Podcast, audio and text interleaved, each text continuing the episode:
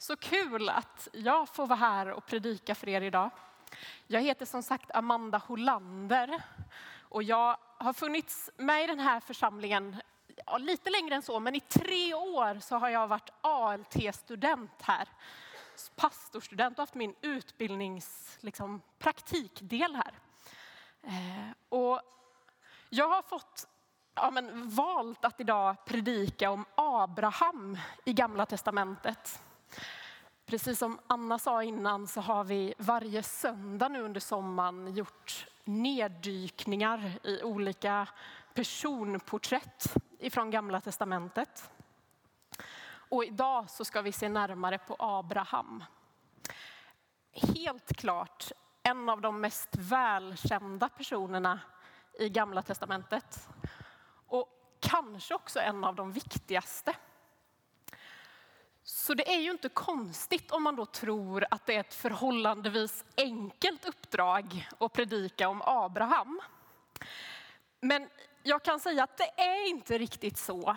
För att berättelserna och vad de vill förmedla, tolkningshistorien här, är lite liksom klurig. Så pass att inte ens Nya Testamentets författare är helt överens om, ja men de läser berättelserna om Abraham lite olika och väljer att lyfta fram olika delar från Abrahams liv.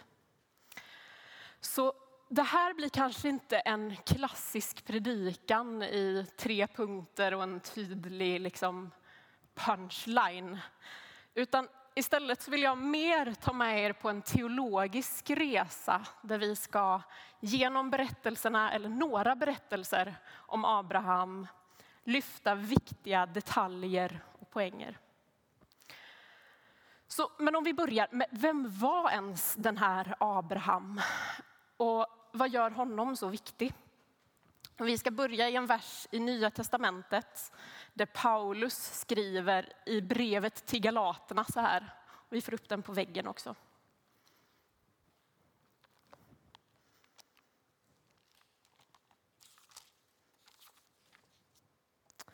I Galaterbrevet 3, 26-29 så läser vi så här. Alla är ni nämligen genom tron Guds söner i Kristus Jesus. Är ni döpta in i Kristus så har ni också iklätt er Kristus. Nu är ingen längre jude eller grek, slav eller fri, man eller kvinna. Alla är ni ett i Kristus Jesus. Men om ni nu tillhör Kristus så är ni också avkomlingar till Abraham och arvtagare enligt löftet. Och det är ju den här sista versen som jag tänker att vi ska notera lite. Abraham är viktig i både gamla och nya testamentet eftersom han är hela det judiska folkets stamfader. Och på ett sätt också hela den kristna församlingens förfäder. För som Paulus skriver här så är alla vi som tillhör Kristus Abrahams ättlingar. Och Paulus poäng med det här, det är nog inte så mycket att rita upp ett släktträd över den kristna församlingen. Eh, att de kristna kallas Abrahams avkomlingar, det handlar mer om att det är Abraham och hans kommande släkte som i gamla testamentet blir utvalda av Gud till att bära Guds frälsningsplan och bli en välsignelse till hela skapelsen. Och vi kan läsa i första Mosebok om att Gud skapar ett evigt förbund med Abraham och Abrahams barn. Som säger att de ska tillhöra Gud och att Gud på ett, själv på ett särskilt sätt ska vara nära Abrahams släkte. Så när Paulus skriver till grekerna i Galatien som nyligen kommit till tro på Jesus så säger han att de är Abrahams släkte och att de har fått del av Abrahams eviga förbund. Så det är därför Abraham är viktig. Gud gav honom löftet om frälsning. Ett löfte som vi nu har fått ta emot. Och genom tron på Kristus och dopet så har vi fått bli del av det in i församlingen.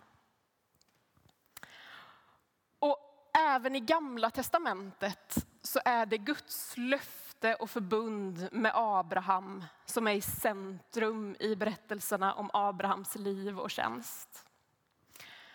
Men jag tror, och jag kan nästan lova att det är en helt annan text som de allra flesta av oss här inne kommer att tänka på när Abraham nämns. Och så också jag. Nämligen den när Gud beslutar sig för att sätta Abraham på prov och ber honom offra sin son Isak.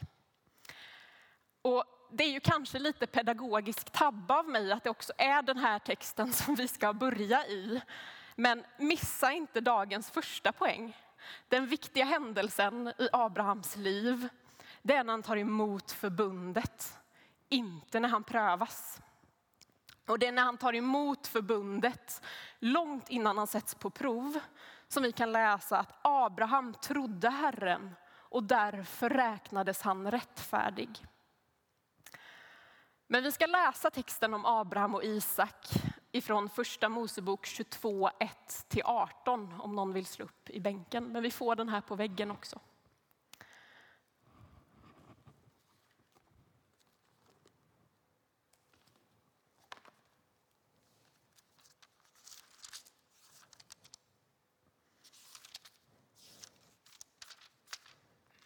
Sådär. En tid därefter satte Gud Abraham på prov. Gud kallade på honom. Abraham. Här är jag, svarade han. Gud sa, ta din enda son, honom som du älskar, Isak, och gå till landet Moria och offra honom där som brännoffer på ett berg som jag ska visa dig. Tidigt nästa morgon salade Abraham sin åsna. Han tog med sig två tjänare och sin son Isak, högg veden till brännoffret och gav sig iväg mot den plats som Gud hade talat om.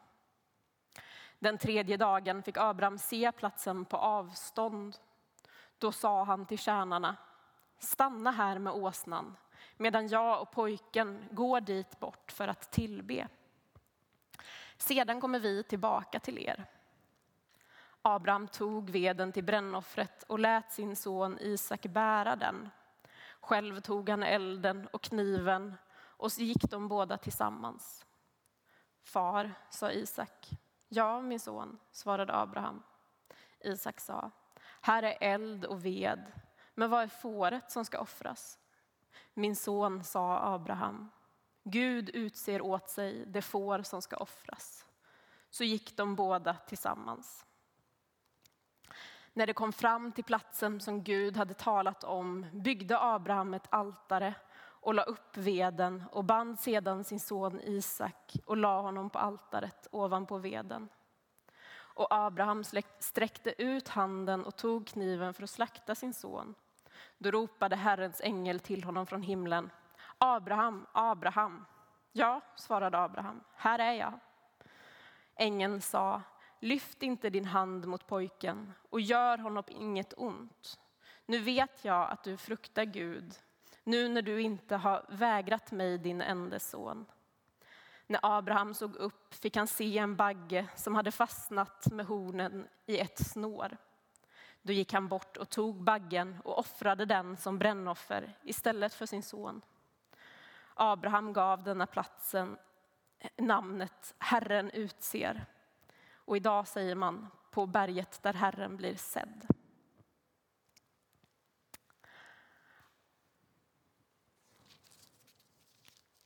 Och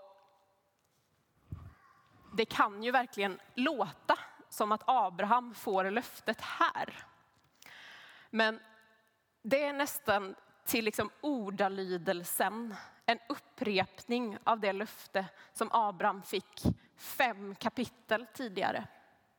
Och det är vid denna tidpunkt, för fem kapitel sedan, som Abraham räknas som rättfärdig av Gud och han får ta emot ett evigt förbund.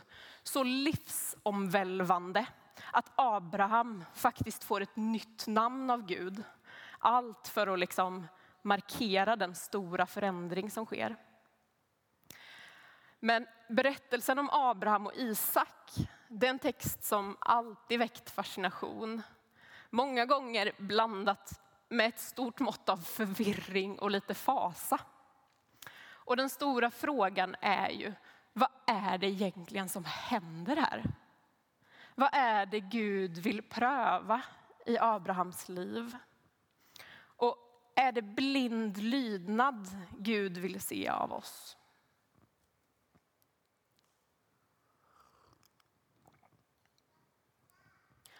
Och när vi läser texten så observera först att det inte framkommer så tydligt exakt vad Guds motiv är. Han beslutar sig för att sätta Abraham på prov, men texten avslöjar inte helt vad Gud prövar. Däremot verkar Gud reagera positivt på Abrahams agerande i texten och responsen den kopplas till löftet till Abraham. Och tidigare hörde vi ju att Gud såg till Abrahams tro i samband med att löftet gavs honom. Men nu är det hans tillit, hans lydnad och överlåtelse till Gud som belönas. Så redan i den gammaltestamentliga texten så finns det liksom en spänning kring tolkningen av Abraham. Men det finns också en del frågetecken kring Abrahams lydnad i texten. Framförallt Abrahams tystnad. För läser vi texten i sitt sammanhang så blir en sån grej som Abrahams tystnad lite märkvärdig. Några kapitel tidigare så kan vi läsa om hur Gud berättar för Abraham att synden i Sodom och Gomorra blivit så stor att städerna måste förgöras.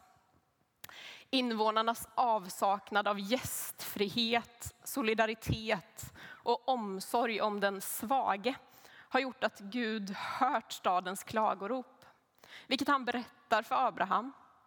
Och jag läser vidare från första Mosebok 18.23.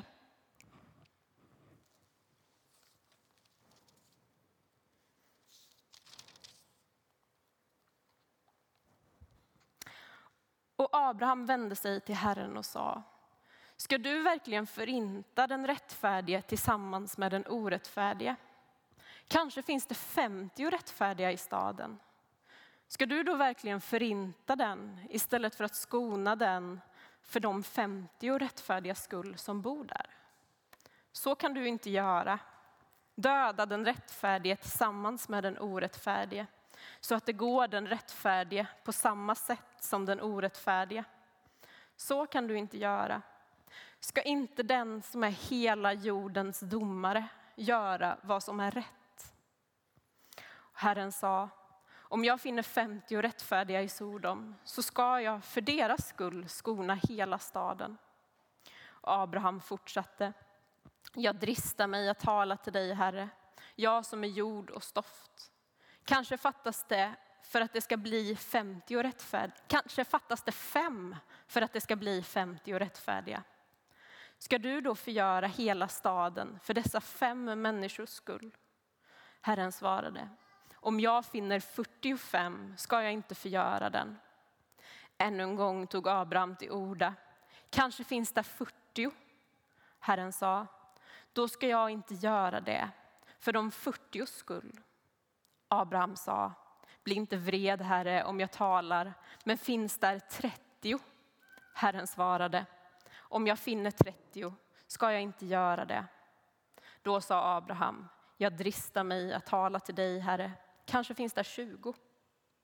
Herren svarade, då ska jag inte förgöra staden för de 20 skull.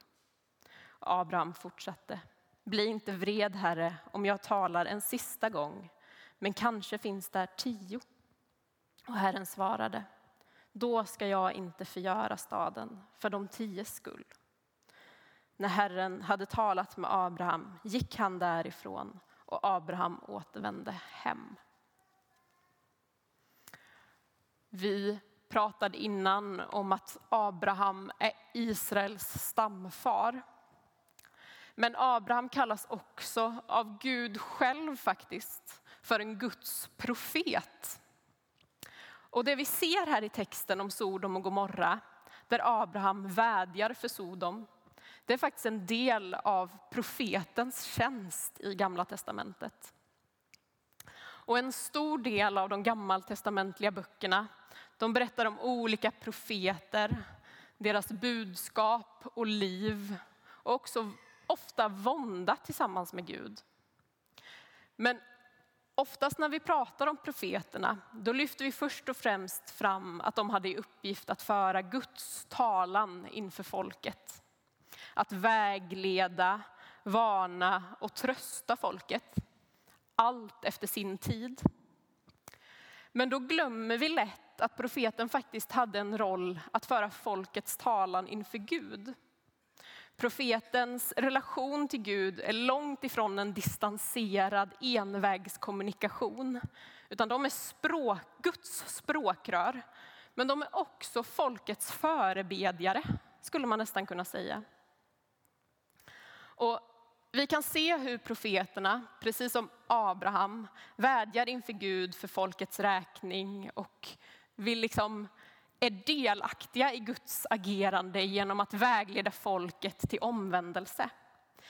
Och liksom att, att tala inför Gud som profeten gör, det är inte ett uttryck för trots eller en öppen protest mot Gud för egen vinning. Utan som ett uttryck för profetens roll att stå upp för den svage och protestera mot orättvisor. Inte för att folket nödvändigtvis vill ge Gud svar på tal, utan för att Gud själv söker den typen av relation till sitt folk.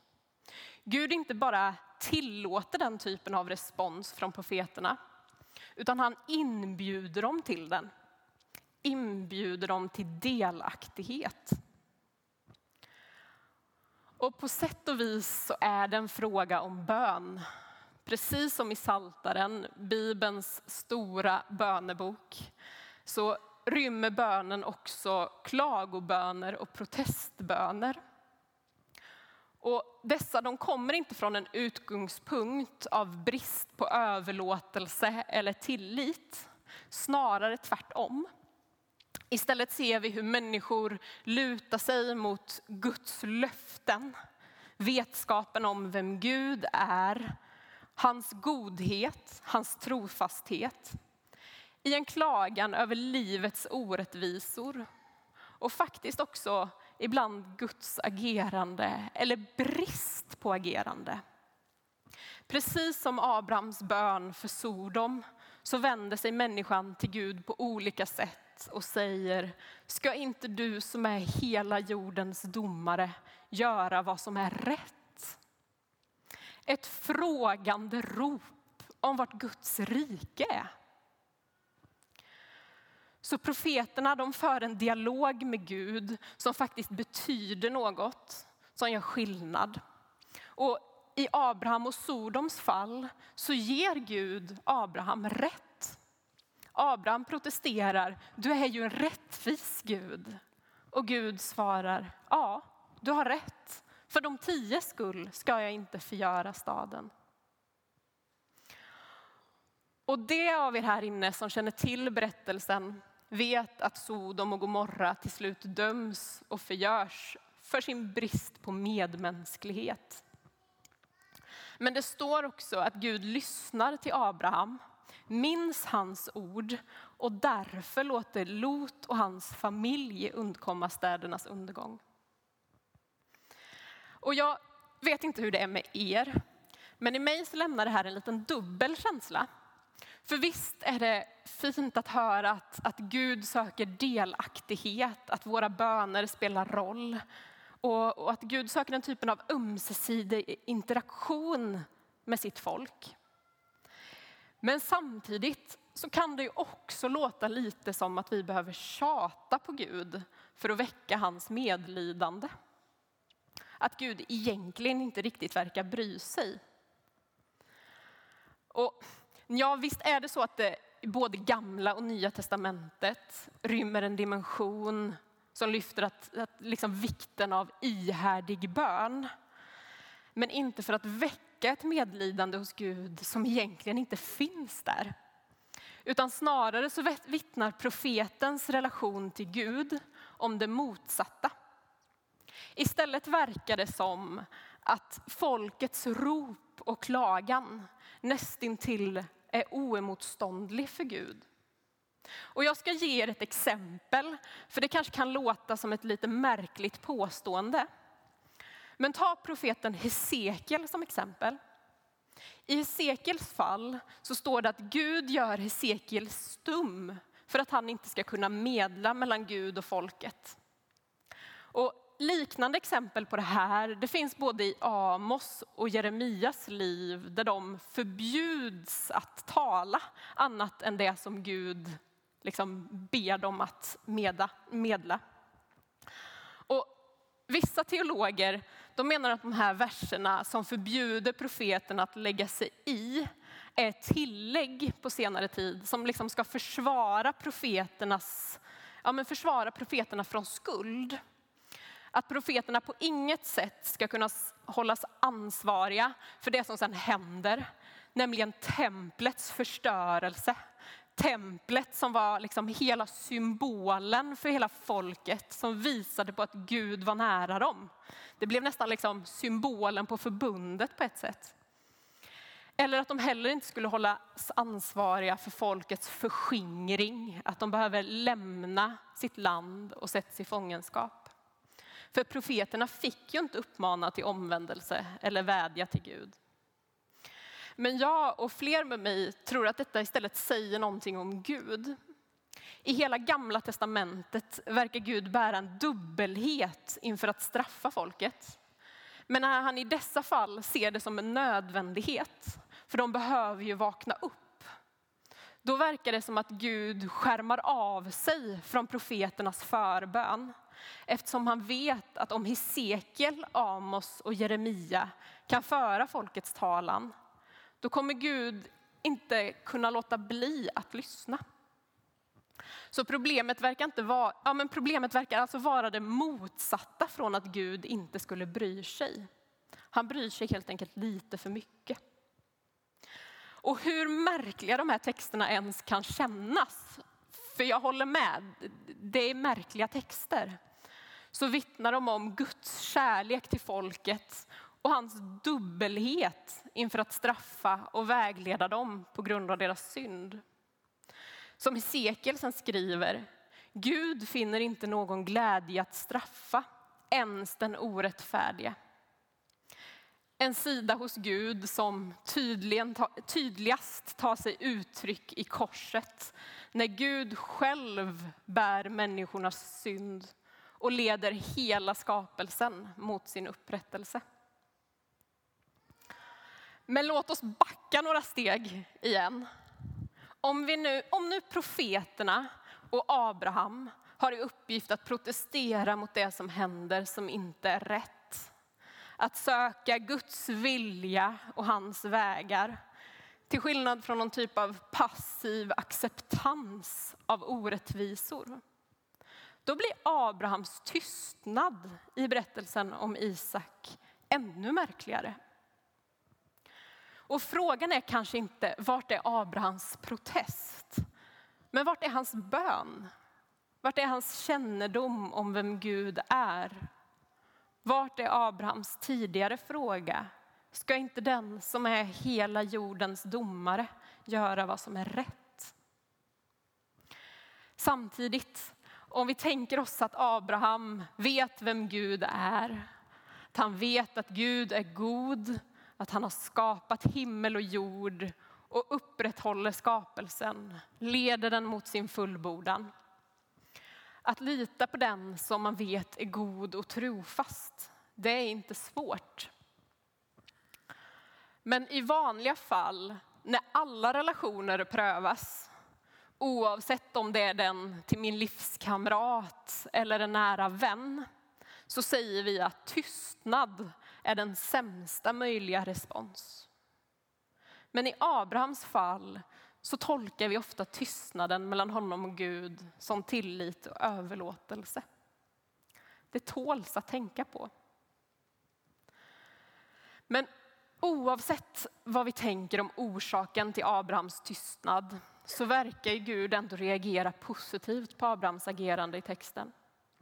Tidigare hörde vi att Gud såg till Abrahams tro i samband med att löftet gavs honom. Men nu är det hans lydnad och överlåtelse. Och jag kommer faktiskt inte ge er en bestämd tolkning av texten om Abraham och Isak.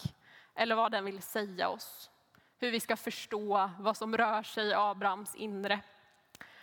För det är som sagt rätt mycket frågetecken när det gäller denna text. Men när vi söker oss till Bibeln och dess personporträtt, för exempel att följa, så tror jag att det är oerhört viktigt att vi faktiskt tar del av hela bilden, summan av texterna. För det som står måste också förstås i sitt sammanhang.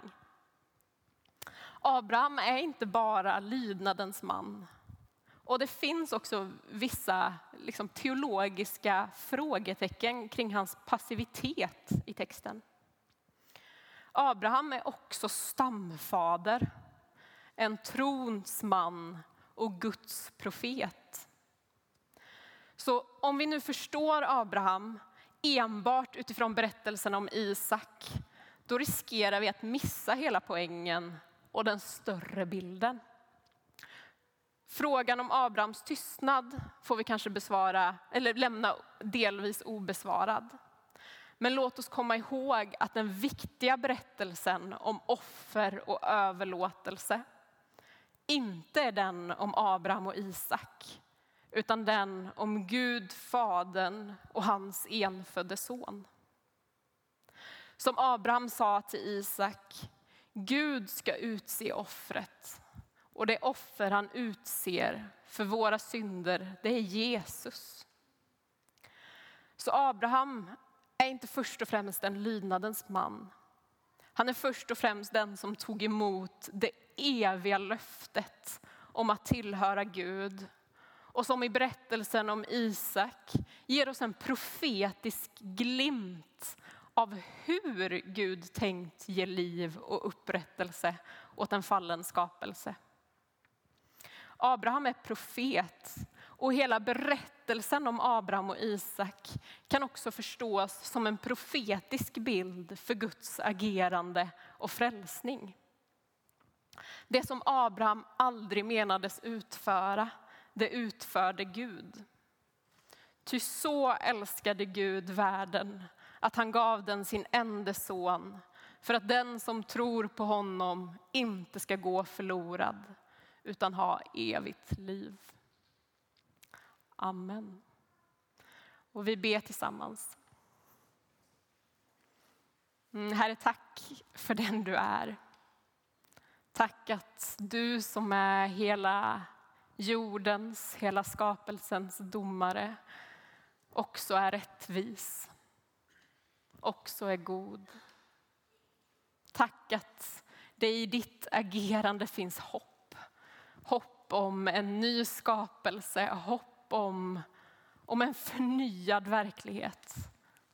Hopp om, om en evighet med dig där våra tårar, vårt lidande och den här världens ondska är som bortblåst. Tack för det hopp du ger oss i Jesus Kristus. Amen.